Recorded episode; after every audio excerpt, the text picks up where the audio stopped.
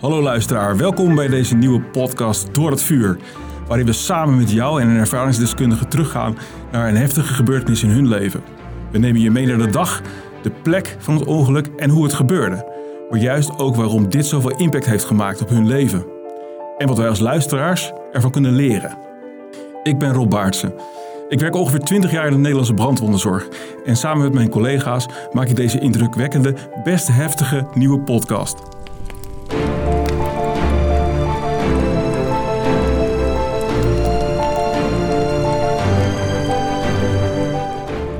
Ik heb één vraag die mij al jarenlang bezighoudt. Stel je woont in een portiekflat en dat heb ik meegemaakt. Ik woonde in een portiekflat in, in Dordrecht. En onder de trap beneden, bij de voordeur, de enige voordeur waar je in en waar je uitgaat, uh, was brand ontstaan. Een doos met uh, papier.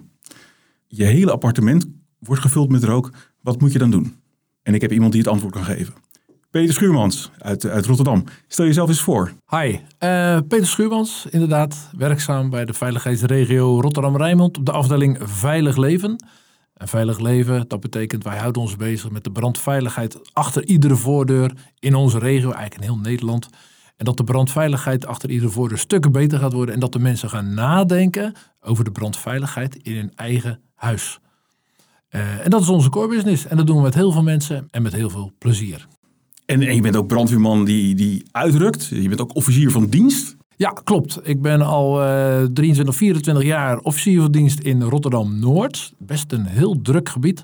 Heel veel incidenten, heel veel woningbranden.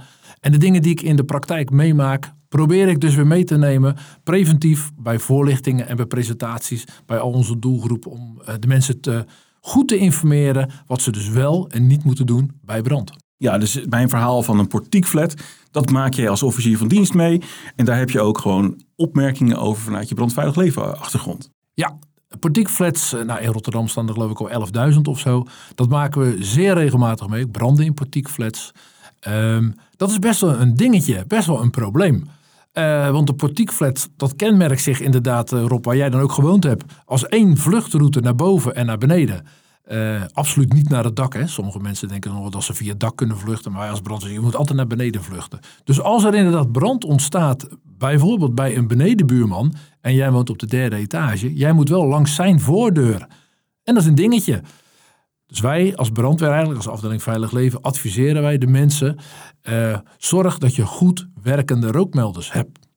Want eigenlijk, als, je, als dan een kleine beginnende brand is. en het begint al zo'n rookmelder begint al heel snel te piepen dan kan je waarschijnlijk nog makkelijk actief iets doen tegen die brand. Misschien kan je wel heel simpel blussen. Misschien kan je heel snel 112 bellen. Maar misschien kun je ook wel gewoon heel makkelijk vluchten nog uh, langs die brand. In ieder geval actie ondernemen. Dus je hebt eigenlijk snelle melding. Zorg ervoor uh, uh, dat je nog iets kan doen. Heb je ook een voorbeeld? Heb je wel eens een portiekbrand meegemaakt? Kan je uh, duiden hoe, hoe dat dan is? Want ik, ik geef even aan dat, dat ik het heb meegemaakt. Maar gelukkig binnen vijf minuten, tien minuten was de brand weer daar. En die hebben dan die, die, die brand geblust beneden. En ik kon gewoon weer naar buiten, een beetje luchten. Dat was het dan. maar vertel, wat, wat maak jij als officier van dienst dan mee? Ja, het gebeurt regelmatig dat er brand is in de portiekflat. Uh, enige tijd geleden ook een brand gehad in de portiekflat op de behaande grond was brand ontstaan in de woning. De voordeur stond open. Uh, de oorzaak was trouwens, achteraf kwamen we achter dat er vlam in de pan uh, was. Maar die man was gevlucht, maar die had de voordeur open laten staan. Dus dat doet de rook. Rook trekt altijd naar boven toe. Dus op een gegeven moment wel 112 gebeld. Dus, dus de meneer was eruit. Ja. En maar waren er nog andere mensen dan in die flats ja. daarboven? Ja, ja, ja. Het was uh, s'avonds, dus de meeste mensen was rond etenstijd. Dus de meeste mensen waren ook thuis. En we boven hadden op de bovenste etage een gezin met vier kinderen. En die zaten eigenlijk als ratten in de val. Want die moesten dus eigenlijk door die rook naar beneden vluchten. Nou, waar rook is, zeggen wij altijd, moeten geen mensen zijn. Hè? Want je ademt rook in, dat is giftig, supergiftig. Moet je echt niet doen. En dan heb je grote kans dat je halverwege de trap, uh, dat je op een gegeven moment bewusteloos gaat. Dus die mensen zijn op een gegeven moment, uh, uh, hebben ze ook 1 en 2 gebeld. Nou, dat was een zaak voor ons. En dan als officier van dienst voor mij. Specifiek. Je komt, je komt aanrijden. Ja. Um, en wat is dan het eerste wat je doet? Want net als ik weten de meeste mensen niet hoe brandweer werkt. Dus je hebt die melding gekregen, je rukt ja. uit, zoals ik het dan, dan populair zeg. Ja. En je komt aanrijden. Wat, wat, wat zie je dan? Wat je ziet is eigenlijk paniek. Paniek bij mensen op straat, maar ook bij paniek bij de mensen die in betreffende uh, portiekflat zitten. En hoe zie je dat? Mensen die willen springen, mensen die half uit het raam hangen, uh, wilde paniek aan het gillen zijn, omwonenden die soms al iets aan het proberen zijn bij bijvoorbeeld een laddertje. En dan is het het zaak van dat die eerste brandweerwagen die ter plaatse komt, om zo snel mogelijk een beeld te vormen. Oké, hoe gaan wij deze mensen op een veilige en snelle manier naar beneden halen? En, en je was dus daar op dat, op, bij die portiekflat en die man die was er dus uit. Eh, ontmoette je die man? Vertelde die dan ook uh, wat er aan de hand was. Uh, hoe, hoe, kon je dat beeld vormen? Ja, want we vaak, uh, wat, als we een brandmelding krijgen, rijdt de politie ook altijd mee. De politie is altijd op straat. Die is zeer regelmatig, dat ze eerder zijn dan wij, dat de politie al wat informatie heeft van dat het de betreffende bewoner betreft. Dat er vlam in de plan is geweest. En dat, dat krijg je in de auto al te horen? Nou, meestal als we te plaatsen komen. Oké. Okay. Of soms hebben we ook een, een, computer in de voertuig. Dan kunnen we nadere informatie vanuit de meldkamer kunnen we meelezen. Hè. Dat, dat, dat hebben we ook.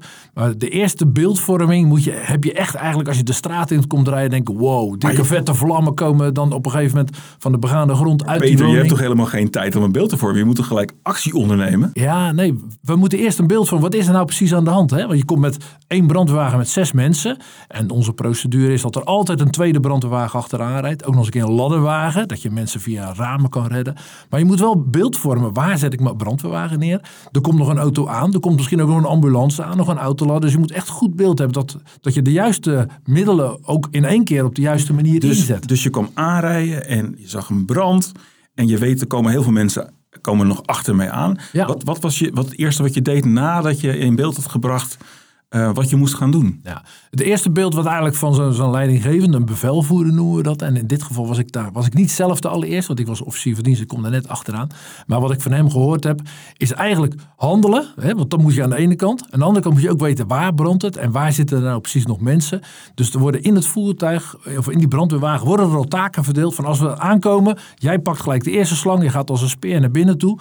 Maar voordat hij als een speer naar binnen gaat, willen we wel zeker weten of we de goede kant op gaan. Of het wel veilig is. Hè? is het wel, kunnen we wel veilig naar binnen, behalve dan de brand. Maar soms zijn er ook nog eens andere dingen waar wij rekening mee moeten eh, houden. En dan is het gelijk knallen, zoals we zeggen. En in actie komen en proberen inderdaad zo snel mogelijk. Uh, soms is het misschien wel een deur dicht doen. Stel je voor dat je een deur dicht kan doen, waardoor er minder warmte is en minder rook is. Dan zouden die rook nog weg kunnen halen, zouden die mensen kunnen laten vluchten.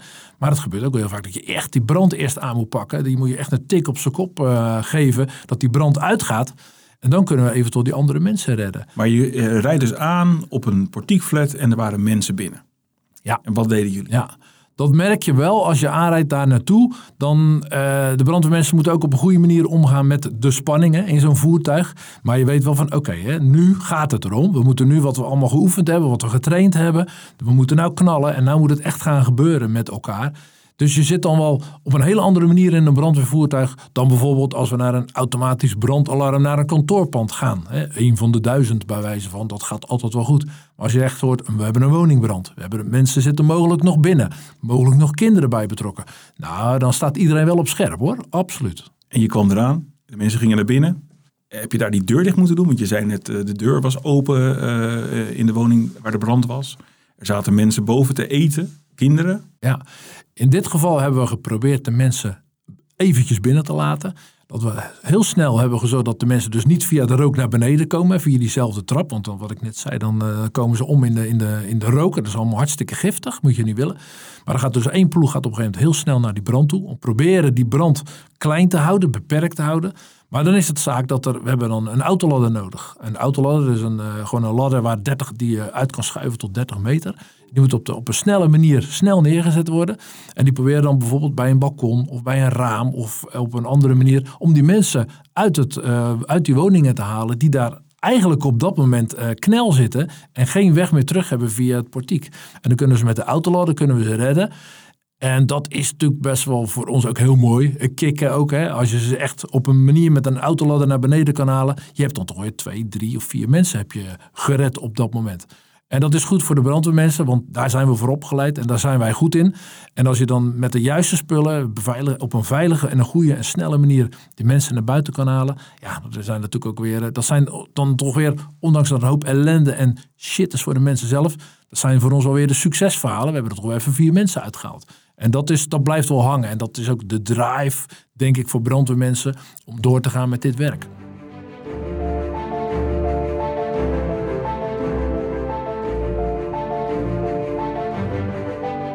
Ja, dat is een, echt een geweldig verhaal.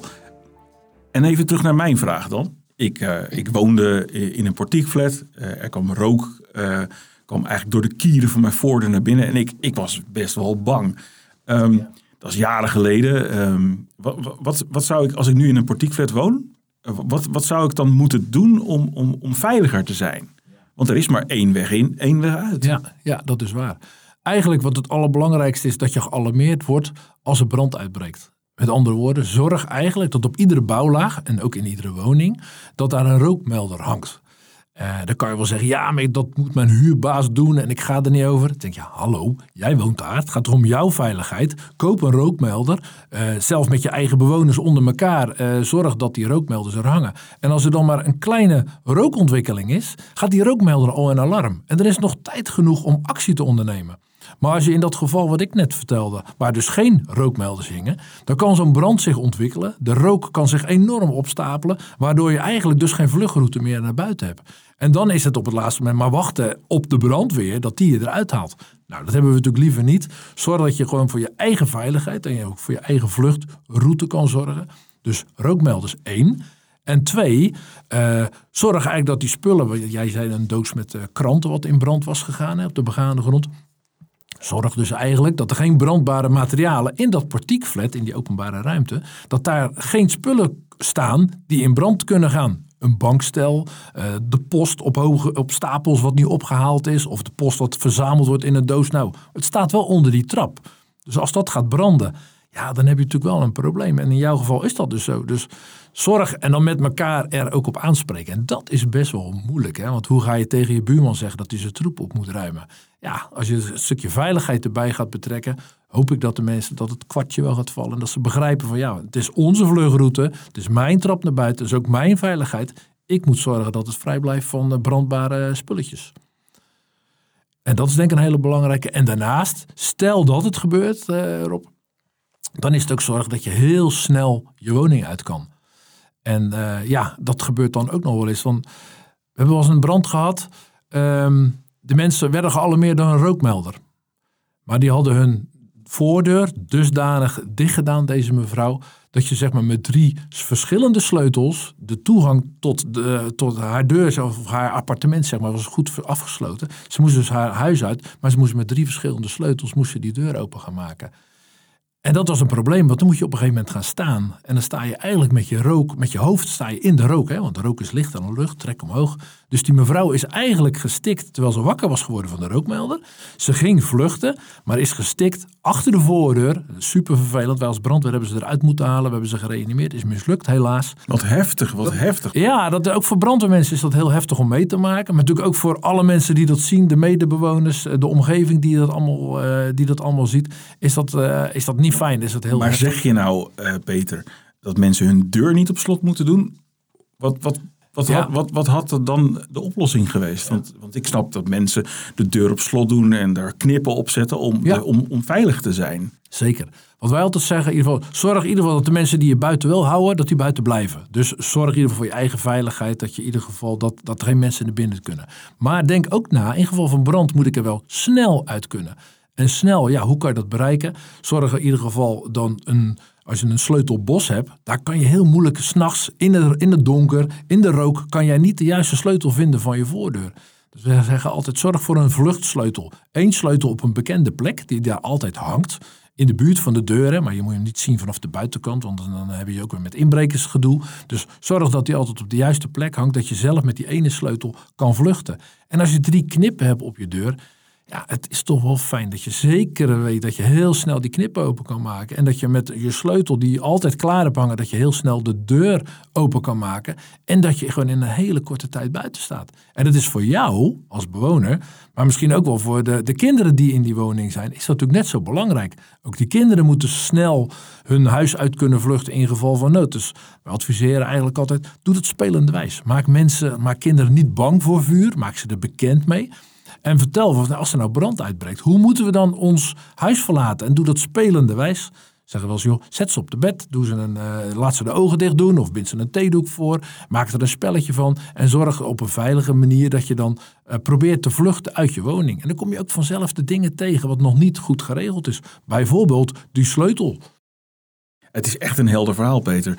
Uh, dus je, eigenlijk zeg je, zorg dat je een rookmelder hebt hangen en dat je die hoort. Ja. Uh, zorg dat je een spel met jezelf of met je kinderen hebt gespeeld om uit je huis te komen zo snel mogelijk. Ja. Uh, en dan ben je eigenlijk brandveilig. Dan, ben je eigenlijk, dan heb je in ieder geval al heel veel aan gedaan om in geval van nood, en we hopen dat het nooit voorkomt, maar als het voorkomt, dat je goed voorbereid bent om toch op een snelle en veilige manier juist te verlaten.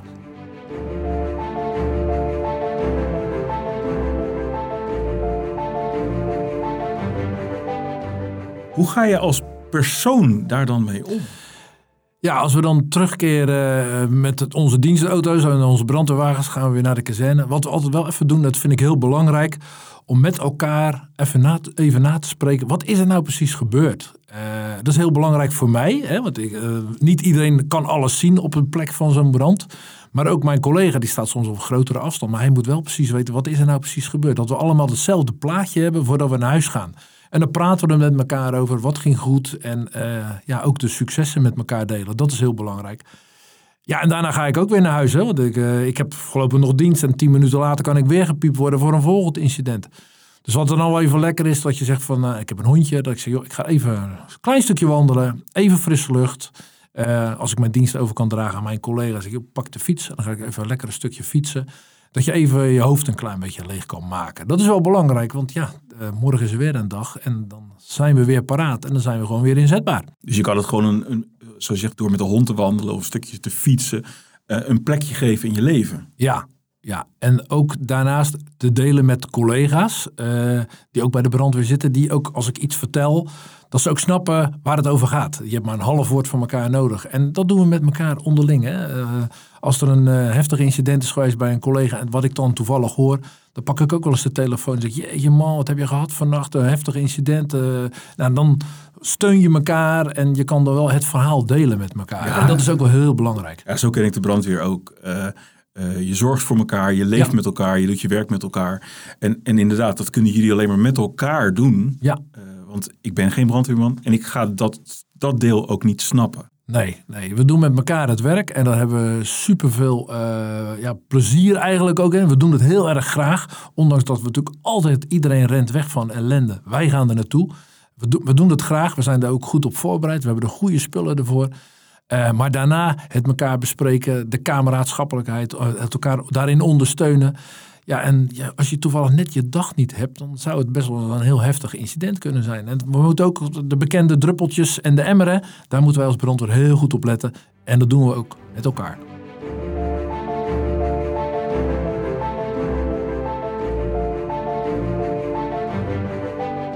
Nou Peter, ik hoor je de hele tijd over uh, werkende en hoorbare rookmelders uh, spreken. Super belangrijk. Ik moest even denken aan twee weken geleden. Uh, was het nog mooi weer? Zat ik in de tuin en ik hoorde een rookmelder piepen. Echt zo'n zo'n echte duidelijke toon van een rookmelder. Als je die test hoor je dat ook. Uh, ik zat in de tuin, dus ik keek bij mij binnen. Nee, dat was niet mijn rookmelder. Ik keek bij mijn buren, voor zover ik kon kijken. Ik liep even de straat in. Super irritant het gepiep, maar ik wist niet waar het vandaan kwam. ja, dan heb je dus een rookmelder. Zelfs de buren, ik zat in de tuin, ik hoorde het. En ik kon, ik kon er niks mee. Je kon niet vinden waar het was. Ik kon niet vinden waar het nee. was, nee. Ja, een heel onbevredigend gevoel geeft het natuurlijk. Want ergens is een kleine beginnende brand mogelijk. Hè? We gaan ervan uit dat dat ding dat piept niet voor niks. Dus ergens is er toch iets begonnen wat, wat aan het smeulen is of wat dan ook. Een kleine beginnende brand. Ik voelde me een beetje nutteloos. Ja, dat kan ik me voorstellen. En... Uh, nou, en dan zeker als je bijvoorbeeld in een, in een woonwijk kijkt, waar ja, misschien even als voorbeeld. Mijn overburen die zijn 85, 86 jaar licht dementerend, maar ze wonen nog wel thuis. En dat zou een heel mooi voorbeeld kunnen zijn dat waar een, beginnen, een klein beginnend brandje zou kunnen, ontstaan, zou kunnen ontstaan. Omdat de mensen er niet goed bij nadenken op dat moment. Of het even gewoon vergeten. Hè. Denk maar even aan uh, iets wat op het vuur staat of zo. Of iets in een magnetron. Maar de magnetron misschien helemaal verkeerd bediend. Het is best wel ingewikkeld soms, die knopjes allemaal. Dus wat ik heb gedaan. Uh, ik heb een rookmelder. Je hebt tegenwoordig ook gekoppelde rookmelders. Ik heb bij hun in de gang een rookmelder opgehangen. Ik heb ook een rookmelder bij mij in de gang hangen. Die heb ik aan elkaar gekoppeld. Dat is een technisch verhaal, maar het stelt niks voor. Dat is vijf seconden werk. En dan de, die twee rookmelders die praten dan zeg maar met elkaar. Dus als bij mijn overbuur iets zou gebeuren, dan gaat die rookmelder bijvoorbeeld door de magnetron, iets verkeerds in de magnetron of verkeerd ingesteld. De brandt wat aan op, de, op, uh, op het fornuis. Dan gaat die rookmelder gaat in alarm. En op hetzelfde moment gaat die rookmelder bij mij in de gang ook af. Nou, dan denk ik, oké, het kan bij mij in huis zijn. Dan kom ik al heel snel achter dat dat niet het geval is. Dan weet ik dus dat het bij, aan, bij mijn overburen aan de hand is. En dan kan ik dus heel snel hulp bieden aan de mensen die het soms heel, misschien helemaal niet in de gaten hebben dat er een rookmelder afgaat, omdat ze het helemaal niet ruiken, mogelijkerwijs. Dus een stukje burenhulp wat we eigenlijk gecreëerd hebben. Dus eigenlijk ben je naast brandweerman, uh, officier van dienst, naast uh, brandveilig leven professional, ben je ook nog gewoon een goede buurman die de brandveiligheid voor, de, voor zijn buren verzorgt. Ja, ja, ja, ja. En dat, nou ja, goed. En als het dan zou gebeuren en je kan daardoor erger voorkomen, dan doe ik het heel graag. Bedankt uh, Peter voor het uh, delen van jouw ervaring. Ik ben zeer onder de indruk. Ik heb ontzettend veel van je geleerd. Maar er is vast nog wel één ding die je ons mee wil geven. Ja, één tip die ik dan nog even mee zou willen geven. Zorg dat je snel en veilig je woning kan ontvluchten. Dus niet met een sleutel bos ergens klaar leggen. Van ik kijk hoe ik mijn huis uitkom. Maar zorg voor één sleutel die altijd op een vaste plek hangt. Die alle bewoners in het huis, uh, alle mensen die er aanwezig zijn, dat ze weten waar die sleutel hangt. Kan heel eenvoudig door een spijkertje staan zijn. Hang daar een labeltje aan met bijvoorbeeld de tekst vluchtsleutel. En dan kan je op een snelle en veilige manier je woning verlaten bij een calamiteit. Dankjewel Peter, ik heb genoten van je. Ja, graag gedaan. Uh, ja, eigenlijk niet tot ziens, hè, want het is nooit goed als je de brandweer te vaak ziet. En uh, voor de luisteraars, uh, heb je vragen, opmerkingen of tips? Laat het ons gerust weten. En vergeet ons vooral niet te volgen op de socials, zodat je de volgende aflevering niet mist.